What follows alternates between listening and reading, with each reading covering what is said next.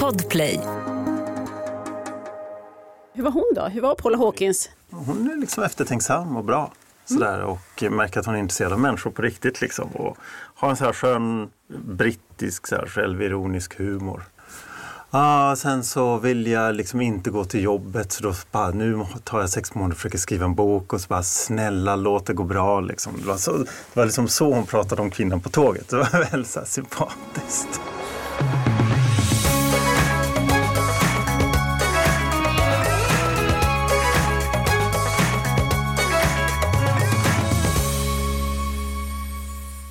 Idag blir det bokcirkel och Paula Hawkins nya roman ligger på bordet.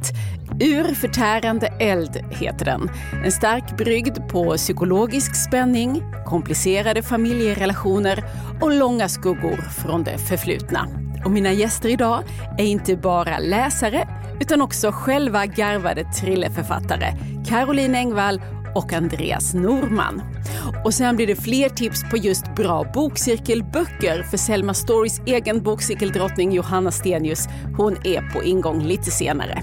Jag heter Lisa Tallroth och det här är det sjunde avsnittet av Samtal om böcker. Nu börjar vi!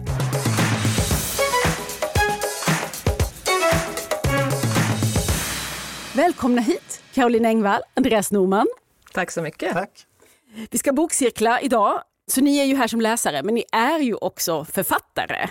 Du Caroline, du är ju både journalist och författare och har i båda formerna skrivit mycket och du har väl kommit att förknippas ganska mycket med ämnet sexuellt utnyttjande av barn och unga, för det är någonting som du har engagerat dig i. Och du har gjort en deckarserie, klar vad jag förstår. Nu har du startat en ny det är utlovat i alla fall att det ska bli en ny serie. Den första boken heter Blodskam. Berätta lite om eh, ditt skrivande och vad handlar Blodskam om? Den handlar mycket om det som vi kommer att beröra idag, om just hemligheter i det förflutna. Jag är fascinerad av just vad som händer när hemligheter hålls och Eh, ja, men konsekvenserna av tystnaden.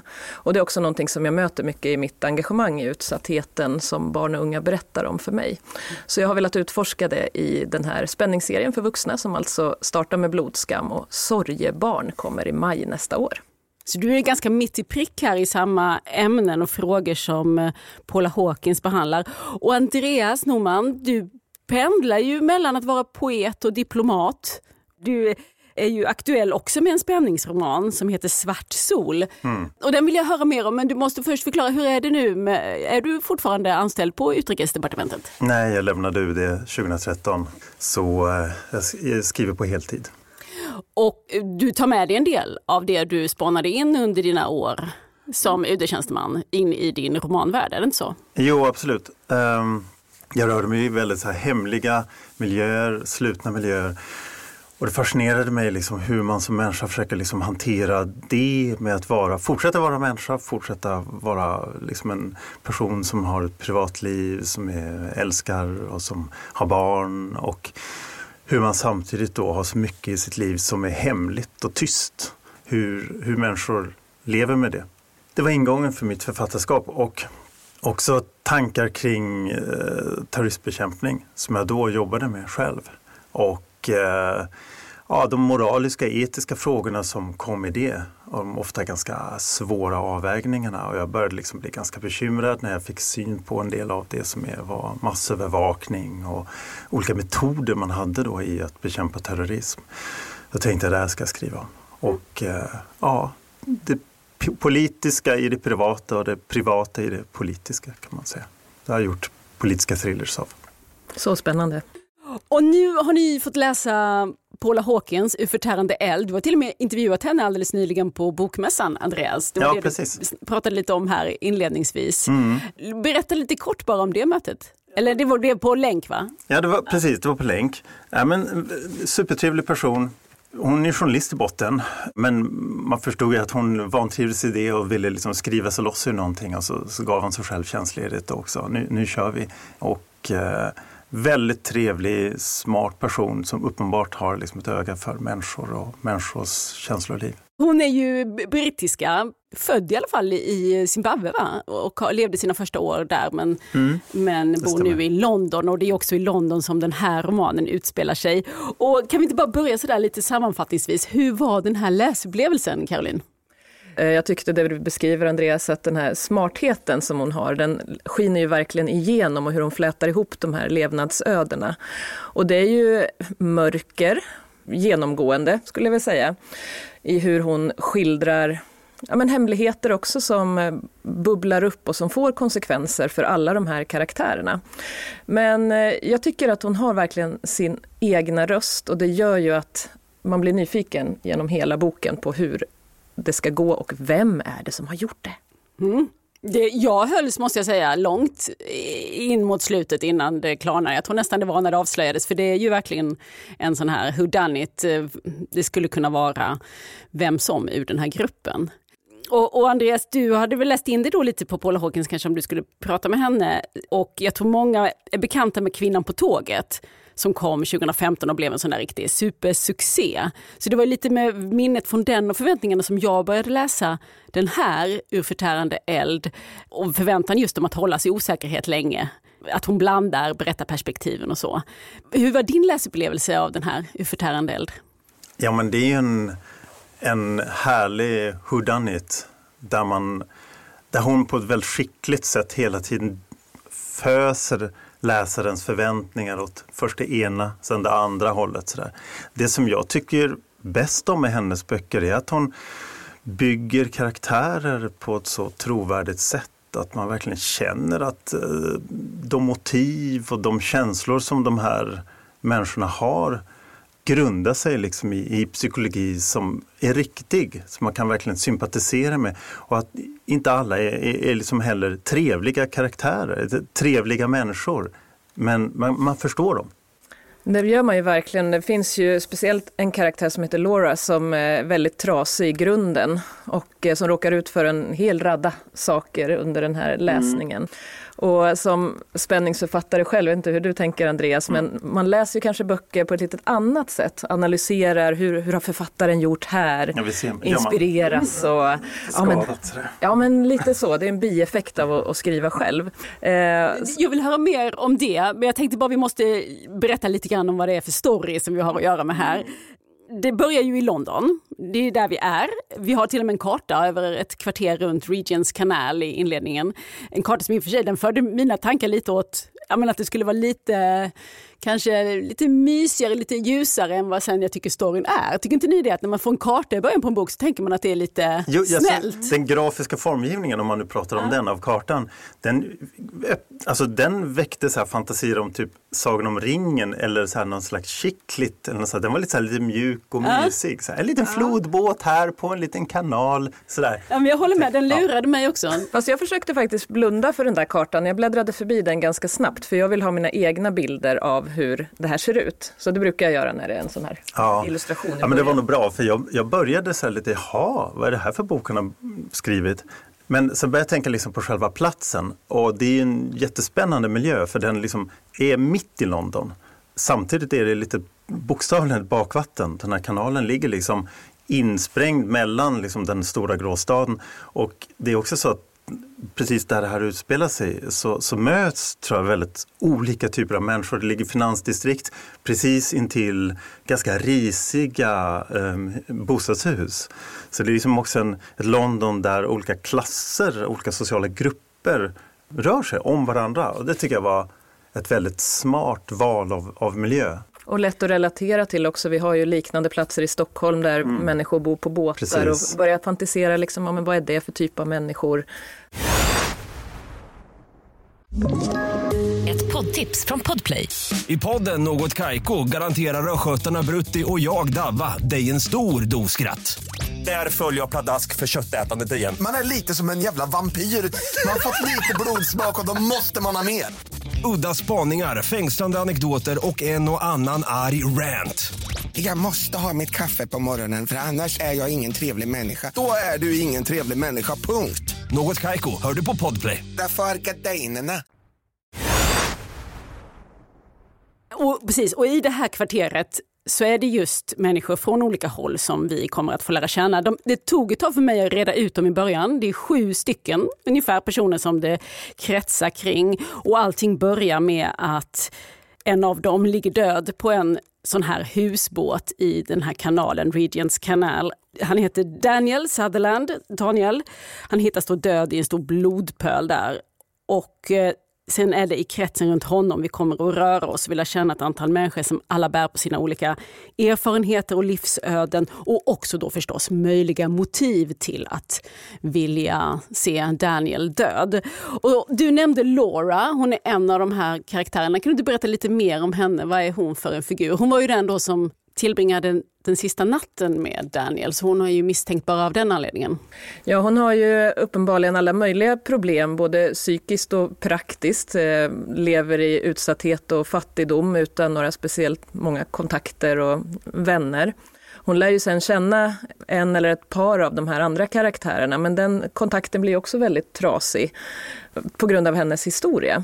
Så att jag tycker ändå, jag tycker om henne, jag ömmade för henne och känner igen henne också i mycket av de, många av de människor som jag möter i utsatthet. Så att, eh, ja, men jag tror att hon har delar i sig som många ändå kan knyta an till. Mm, hon var min favorit också. Mm.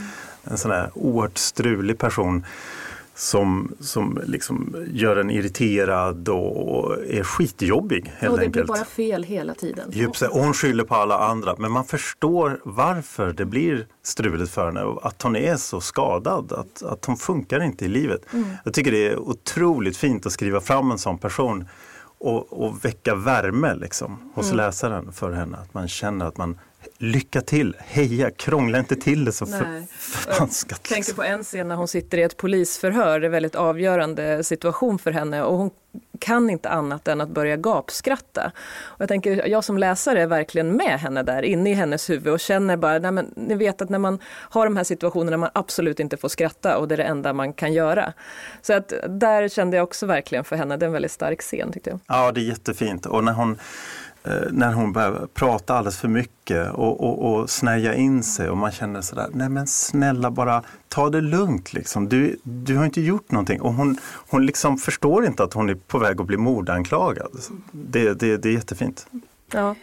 Hon är en lite udda fågel kan man säga. En annan udda fågel är ju den här damen Miriam som eh, bor granne på en husbåt. Bara det gör henne lite udda då, att hon bor och lever sitt liv på en husbåt och eh, är den som faktiskt hittar den döde Daniel. Och eh, hon är också en sån person som man inte riktigt vet vad man ska tycka om eller inte. Andreas, vad är, vad är, hon, vad är Miriam för kvinna? Ja, men hon är en kvinna som lever ett ganska begränsat liv. Hon har liksom hon har ingen relation, hon lever på en husbåt. Hon så att säga, har blivit på något sätt helt som ett litet självförsörjande system som liksom skär av resten av London och resten av ja, mänskligheten. Och så har hon samtidigt koll på sina grannar.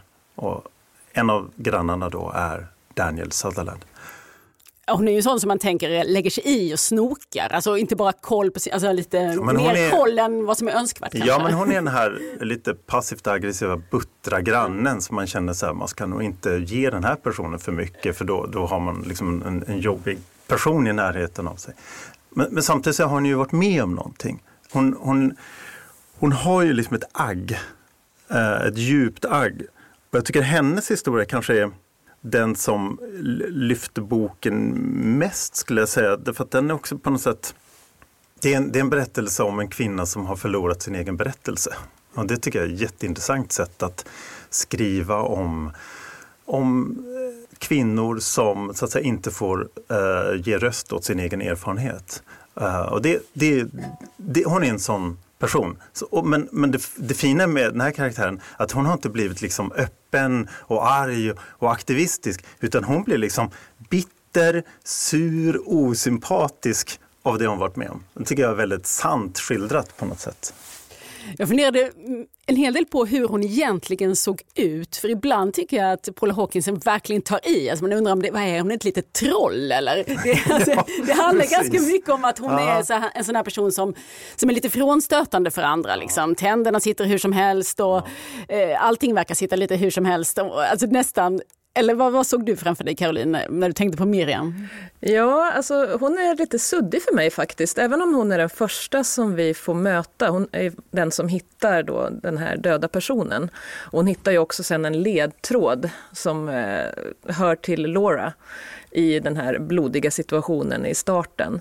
Så eh, jag ser henne inte riktigt framför mig. Jag kan inte riktigt definiera vad hon är för ålder. Men precis som Andreas säger, alltså hon är en, en bitter person. Men jag lyckas tycka om henne i alla fall. Mm, så det är ju absolut. otroligt skickligt. Och det fina tycker jag också att man i början så är hon just lite jobbig.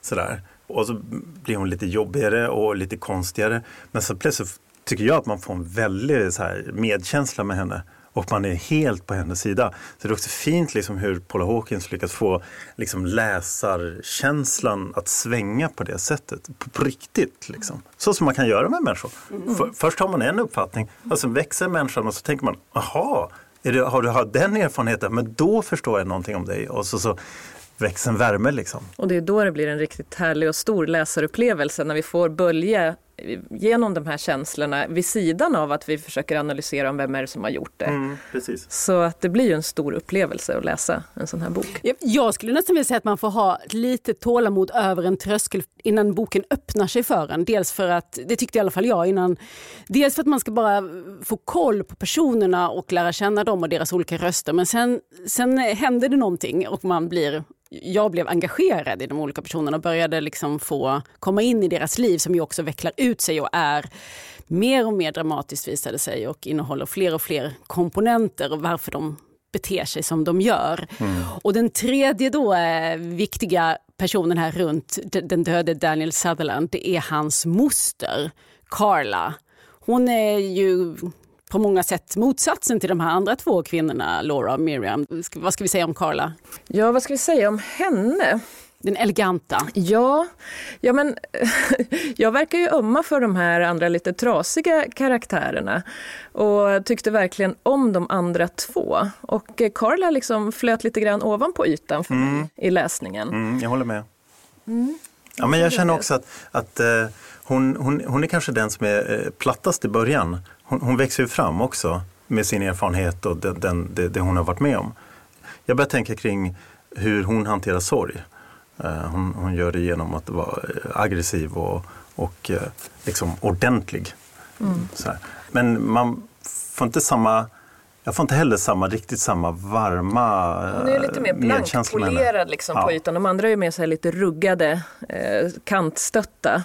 Och jag, jag, vet inte riktigt varför jag tycker så mycket om sådana personer egentligen, men man vill ju att det ska gå bra för dem ändå ja, på något sätt. Jag tror också att, ärligt talat så tror jag att eh, Paula Hawkins hade kanske ännu roligare när hon skrev Laura och eh, Miriam än hon hade med Carla. Jag tror det mm. färgar av sig lite grann. Mm. Uh. Men, jag men jag tycker det hon får in hos Carla och även um, Theo, ex-maken till Carla, det är många personer här att hålla reda på, men de två i alla fall de har ju en sorg tillsammans.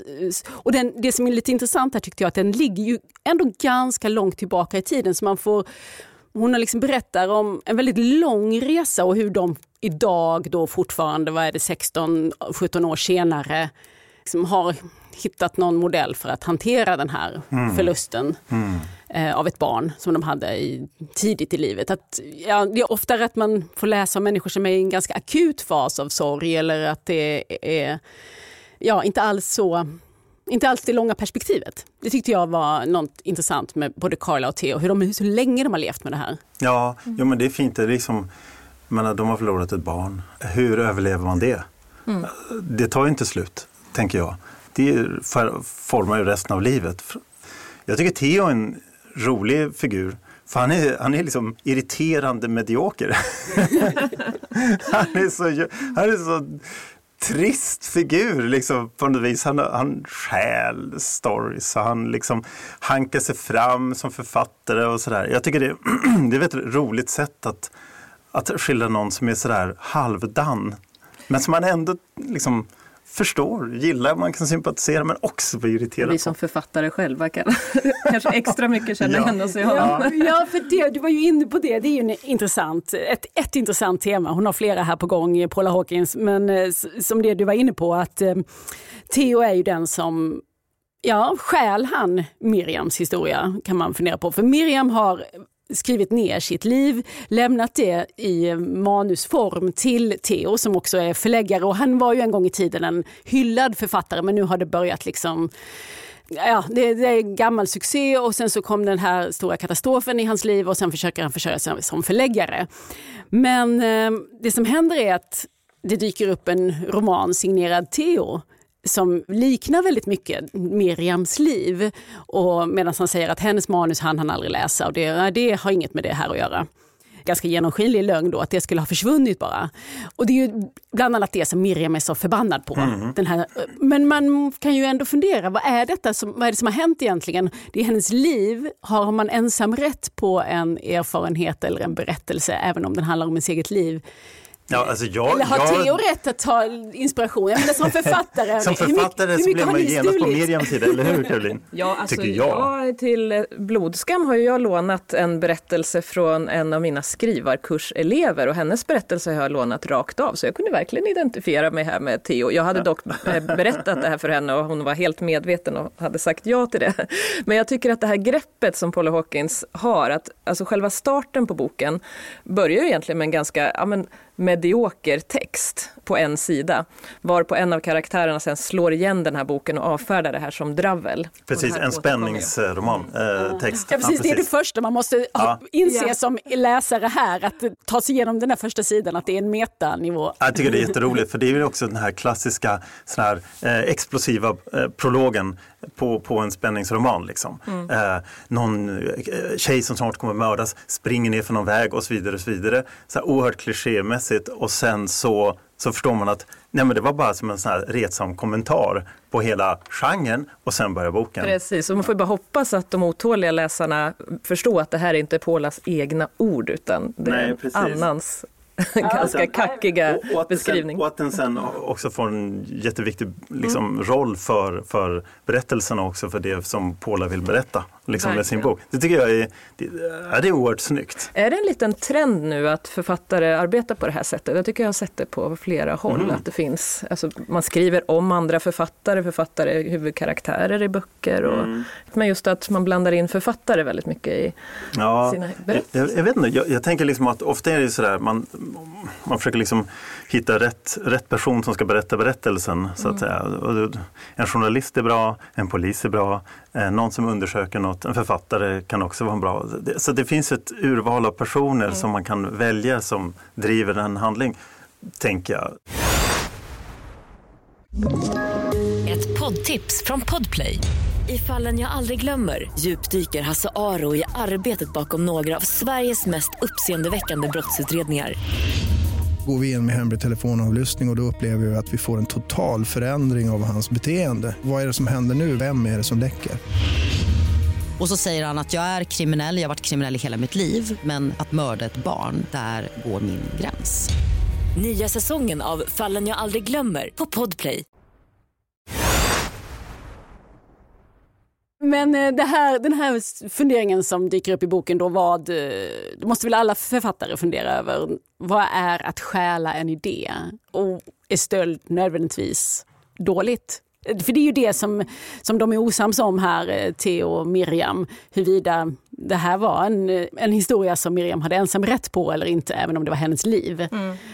Funderar ni på sådana saker i ert skrivande? Du har ju verkligen jobbat med riktiga människor och deras Absolut, livsöden. jag gör det hela tiden. Eh, så att, eh, ja men själv, alltså vi har ju levt, vi lever och det gemensamma i oss allihopa är ju att vi ofta lever oss igenom samma saker och det är det som vi kan sen också koka ner till berättelser som förhoppningsvis många kan identifiera sig med. Eh, så att jag tänker att är det så att man vill skriva någons berättelse då är det ju liksom lite fint att fråga om det först och mm. få ett godkännande. Mm. Men annars så är det ju också, mångas upplevelser är ju lite liknande i livet. Det är sorg och trauman och kärlek och svek. Och det är ju mm. stora teman som också Paula Hawkins berör i den här boken. Ja men sen är det ju gestaltningen. Den ju, kan ju vara någonting annat än skeendet. Jag tänker att det är klart att man alltid lyssnar efter berättelser, roliga märkliga saker som händer i verkligheten. Eller lyssna på hur människor pratar och tänker kring hur människor är hela tiden som författare.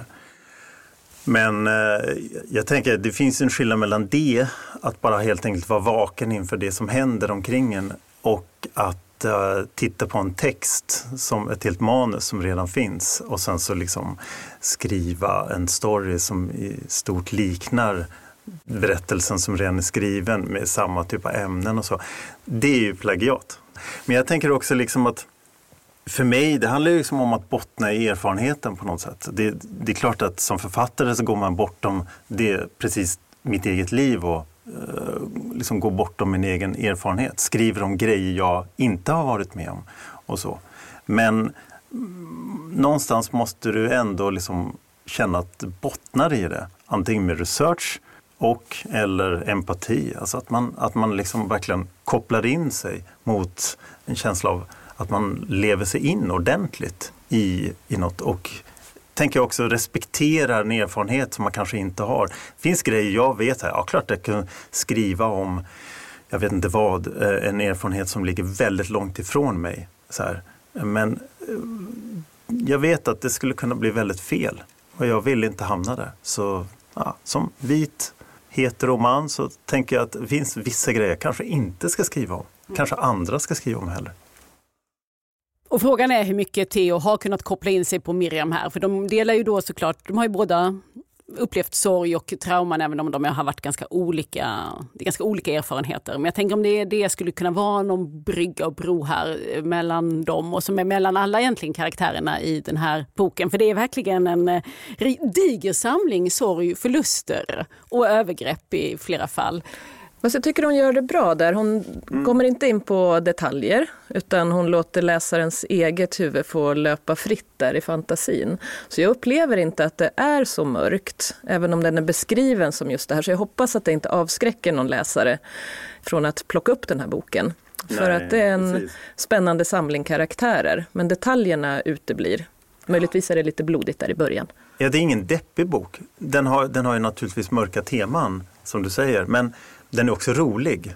Det är också den här brittiska humorn hela tiden och, och någon slags så här, jag menar, wit eh, är väl det, det, det engelska ordet, liksom någon slags eh, menar, smarthet i språket och ett så här, just det skickligt sätt att hela tiden locka oss att tro att det kanske är den ena som har gjort det, sen så plötsligt tror man att det är den andra. Och, jag menar, hela det där spelet är också otroligt härligt. Och rent skrivtekniskt så blandar hon ju både gestaltning, att vi är med, hon målar den här bilden, men hon använder också mycket av berättandet, att hon berättar så här är det. Eh, så att vi luras på något sätt att tro på hennes berättelse. Paula Hawkins är ju, använder ju väldigt mycket av de här bedrägliga berättarrösten. Vi vet inte om det här stämmer. Och eh, det är jag väldigt fascinerad av, både att läsa och att skriva själv. Man vet inte riktigt om den här personen eh, ljuger eller om den bara ser, lever i sitt egna lilla tunnel. Nej, precis. Inte minst med eh, den här kvinnan på tåget i minne när jag började läsa så kände jag att jag ska inte lita på någon här. Det var ju verkligen vad hon, hon visade med den romanen att du är inte på fast mark med någon karaktär. Men tyckte ni att alla var trovärdiga tänkbara mördare? Fick hon med er på det? Ja, för mig var det så. Eh, jag tänkte nog flera gånger, men det är, det är Miriam. Eller det är Carla. Eller så nej förresten, det är nog kanske han Theo han har nog faktiskt motiv verkligen om han blir pressad där och, och så vidare. Så det, så det är väldigt rolig lek hon sätter igång. Det har man kul med. Och det är också den klassiska psykologiska thrillen till, som hon rör sig i.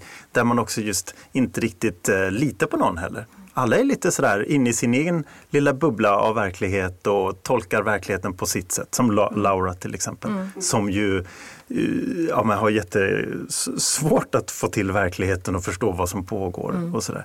Och eftersom jag är i min egen skrivprocess just nu och ska avsluta mitt eget spänningsmanus så tog jag verkligen fram den vassaste skalpellen här och försökte analysera vartenda ord hur hon hade gjort för att lura oss. Men, eh, ja, men hon höll mig hela vägen till slutet. Ja, visst gjorde hon. Jag tror vi har lyckats prata om det här nu utan att avslöja vem som verkligen gjorde det, vem som var mördaren, eller hur? Det är fortfarande... Jajamän, det, kan vara, det. det ska man ha kvar till, till slutet. kan fortfarande vara vem som helst i boken. Men eh, som författare då, som ni är båda två, finns det saker ni tar med er här? Inspireras ni på något vis av Paula Hawkins bok?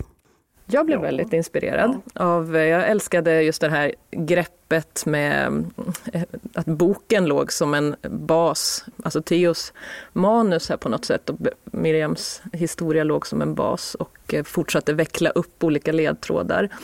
Eh, det är någonting som jag säkert tar med mig och låter gro till någon framtida grepp. Jag älskar just den här bedrägliga berättarrösten som sagt att vem som helst kan ha gjort det och att alla ljuger. Det är underbart. Mm. Tar du med dig någonting Andreas? Ja, jag gillar också den här bedrägliga rösten. Tycker också hon bygger karaktär väldigt fint i hur sorg inte är någonting vackert utan någonting kantigt och aggressivt och, och, och hur karaktärerna sen agerar utifrån ja, sina trauman och sina upplevelser. Att lyckas liksom få det att funka och samtidigt inte gräva ner sig så att man fastnar i en, i en, liksom en, en mycket mer stillastående och tung roman. Utan ha det här framåtdrivet och eh, lätta flytet. Det tycker jag är en oerhört snygg balans hon lyckas med. Så det tittade jag mycket på. Sen tycker jag också att hon, hon liksom har en oerhörd känsla för när man ska in i en situation och när man ska släppa det. För hon, hon släpper läsaren precis när man har kommit fram till att ah, nu är någonting på väg att hända och så klipper hon där. Så att hon skapar hela tiden små kliffar så att säga, på ett sätt som är supersnyggt. Och sen blir nästa kapitel ur en annan karaktärs perspektiv. Ja. En del av dem är ju kan ju beskriva samma händelse fast från varsitt håll. Det greppet är jag väldigt förtjust i. Det här när man förstår hur olika människor kan gå in i samma situation och hur olika man kan uppfatta den. Ja. Men det gör hon ju verkligen också på ett ganska, man får vara på tårna lite grann som läsare där, för det är inte några tydliga perspektivbyten utan hon kan glida över i en annan karaktärs eh, tanke, inte mitt i en scen men, men direkt efter utan någon tydlig markör. Så jag, jag hoppas verkligen att om man lyssnar på den här boken, jag har själv läst den fysiskt, jag har hållit boken i handen. Och jag hoppas att det inte blir förvirrande för läsaren. Att Nej, eh, precis. hon flyter så. Och jag tror också att man ska eh, orka liksom 10-15 sidor in i boken. För de första fem sidorna så är det en rad namn man möter. Det är ganska mycket man ska orientera sig i. Men jag tycker att jag kom i alla fall snabbt in i, i den här lilla världen som det är med en tvättomat där Laura jobbar, Miriam som bor på en båt, den här grannen Daniel som har då blivit mördad. Man är snabbt inne i den här lilla eh, delen av London och de här människorna. Och det, det, är väldigt snyggt hur hon, som du säger, vänder perspektiv ibland. Det kan vara som att eh, när Irene till exempel står vid fönstret och tittar ut och, så, så, och ser en kvinna och, och, undrar vad håller hon på med? Och så vänds perspektivet så får man följa Carla som är då på väg att göra någonting och bli betraktad av Irene. Så det är liksom, det tycker jag är ganska ljuvligt, den här psykologiska ja, thrillern. Det, det, är en mm, snygg film. Ja, och om de skulle filma denna hoppas jag att de stannar i London för miljön är alltså är man lite London-förtjust så, så är det väldigt mycket London-kvarter i den här boken. Eh, jag tänker på att hennes förra bok hamnade i USA när den blev film, vilket det ju lätt blir så. Men eller hur, visst är London en, en, någonting som tillför boken någonting, tycker jag. Ja men verkligen. Och man kan ju föreställa sig hur hon har gått och gjort research där längs kanalen. Hon bor ju i närheten där av där mordet ut, utspelar sig. Så och och liksom fundera på var, var, var, kan jag lägga en kropp någonstans? Liksom. Och att de där flodbåtarna ser mystiska ut. där kanske det har hänt någonting. Så Och det där tycker jag man känner liksom i läsningen. Men är det inte så ni eh, spänningsförfattare hela tiden går runt och tittar i hörnen? Var kan, jag, lägga, var kan jag lägga en kropp någonstans? Vi har tittat i den här studion också ska du veta. Hörni, jag tycker det låter sammanfattningsvis som att vi rekommenderar den här boken. Oh, det var ja. en Absolut. behållning att läsa Ur förtärande eld av Paula Hawkins. Tusen tack för att ni kom hit. Andreas Norman, Caroline Engvall och eh, pratade om den här boken. Tack, tack. så mycket.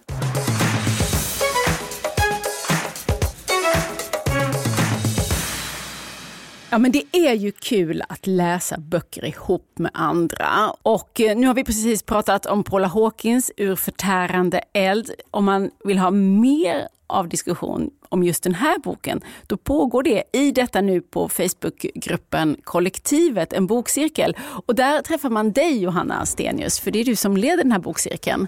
Ja men precis, det stämmer. Det är jag och mina kollegor på Selma Stories som har kollektivet En bokcirkel som finns på Facebook och vi har ju över 3000 medlemmar som diskuterar. Och där vi precis nu, alldeles eh, inom några dagar, ska börja diskutera Paula Hawkins Uförtärande eld som vi har läst tillsammans under nästan en månad. Så det passar ju perfekt att hoppa in nu i gruppen och det är helt fritt att gå med. Det kräver inget engagemang utan man kan gå in och kolla lite bara och se om det är något som passar. Och det kan ju vara helt andra vinklar och frågor än vad vi kom på här i dagens eh, samtal. Det vet man aldrig. Nej men verkligen, för det är ju, verk, det är medlemmar från hela Sverige verkligen som har så många olika förutsättningar. Så det blir ofta väldigt spännande diskussioner som tar vändningar man inte hade väntat sig faktiskt. Och jag hade tänkt att jag skulle, det är inte den boken jag ska berätta så mycket om, men jag tänkte ändå förhandstips om vilken bok det kommer bli. Jag brukar inte göra det, men eftersom jag får vara med här. Mm. Eh, det blir nämligen en till thriller, fast med lite mer humor, som vi ska läsa härnäst. Och det är en finsk bok faktiskt, som heter Kaninfaktorn av den finska författaren Antti Tuomiainen. Det ska bli spännande. Vad är det som gör att en bok passar som bokcirkelbok? Ja, alltså, man måste tänka på vilken grupp det är som ska läsa och vad som kan engagera just dem. Men det är klart att vissa böcker väcker mer engagemang än andra ändå. Och det har jag också märkt efter att ha varit med, haft den här gruppen i flera år. Och de böcker som väcker starka känslor eller som innehåller överraskande fakta är ju ofta väldigt bra att diskutera. Det är nog något som har varit gemensamt för de starkaste diskussionerna vi har haft. Att böckerna antingen har innehållit element av att man blir väldigt drabbad av någonting äckligt eller någonting hemskt eller superromantiskt eller, eller att man får veta något man aldrig hade tänkt på tidigare. Så, så böcker som baseras lite på verkliga händelser till exempel är jättebra böcker skulle jag säga. Mitt första tips är just en sån som baseras lite på verkliga händelser som jag sa och det är Kristin Hannas eh, starka relationsroman De fyra vindarna.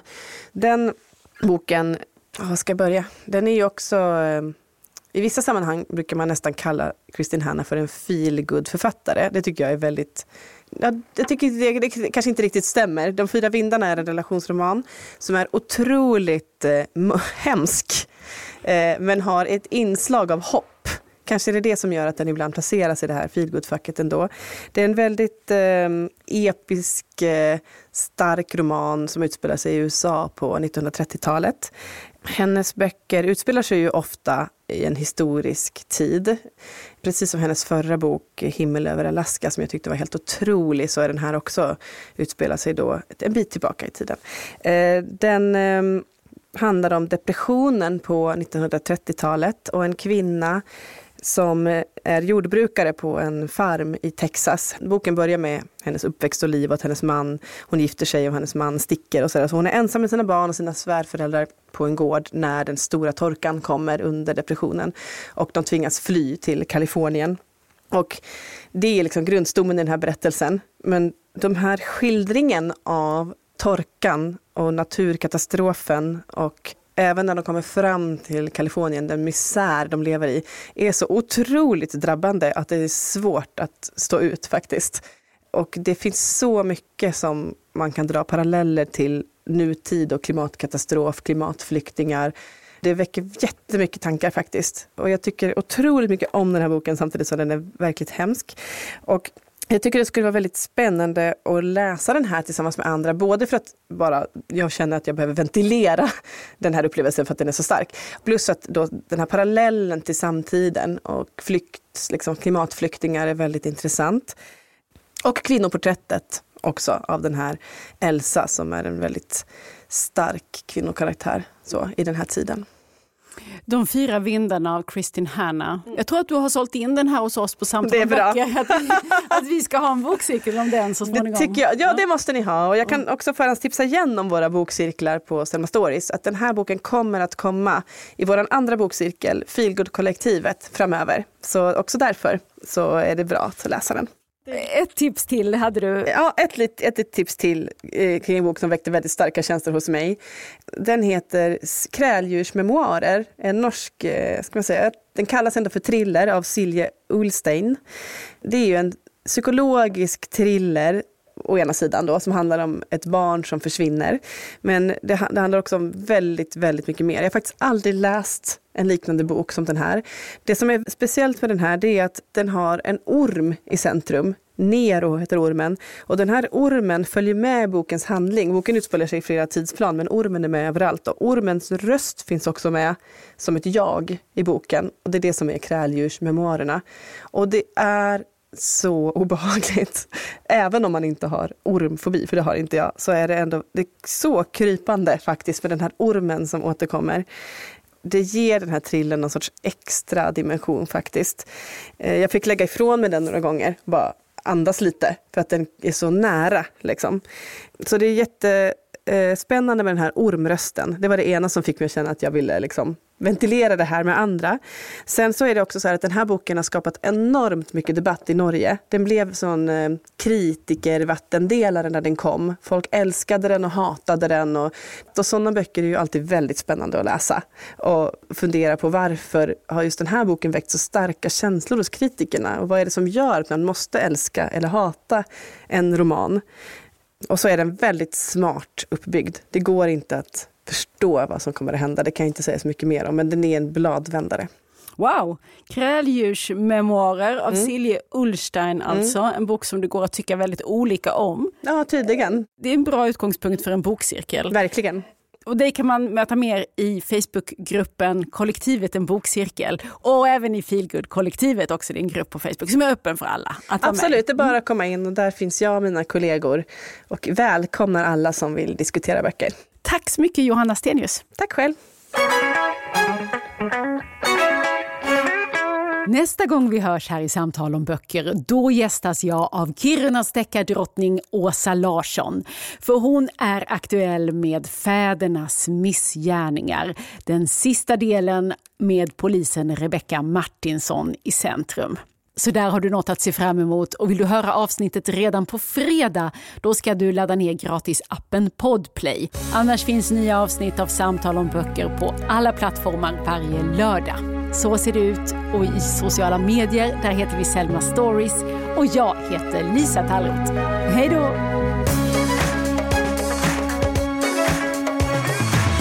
Du har lyssnat på Samtal om böcker, en podd från Selma Stories.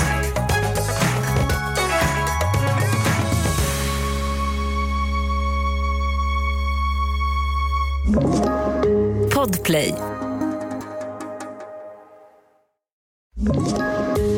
Poddtips från Podplay. I podden Något Kaiko garanterar östgötarna Brutti och jag, Davva, dig en stor dos skratt. Där följer jag pladask för köttätandet igen. Man är lite som en jävla vampyr. Man har fått lite blodsmak och då måste man ha mer. Udda spaningar, fängslande anekdoter och en och annan arg rant. Jag måste ha mitt kaffe på morgonen för annars är jag ingen trevlig människa. Då är du ingen trevlig människa, punkt. Något kajko, hör du på podplay. Därför är gardinerna.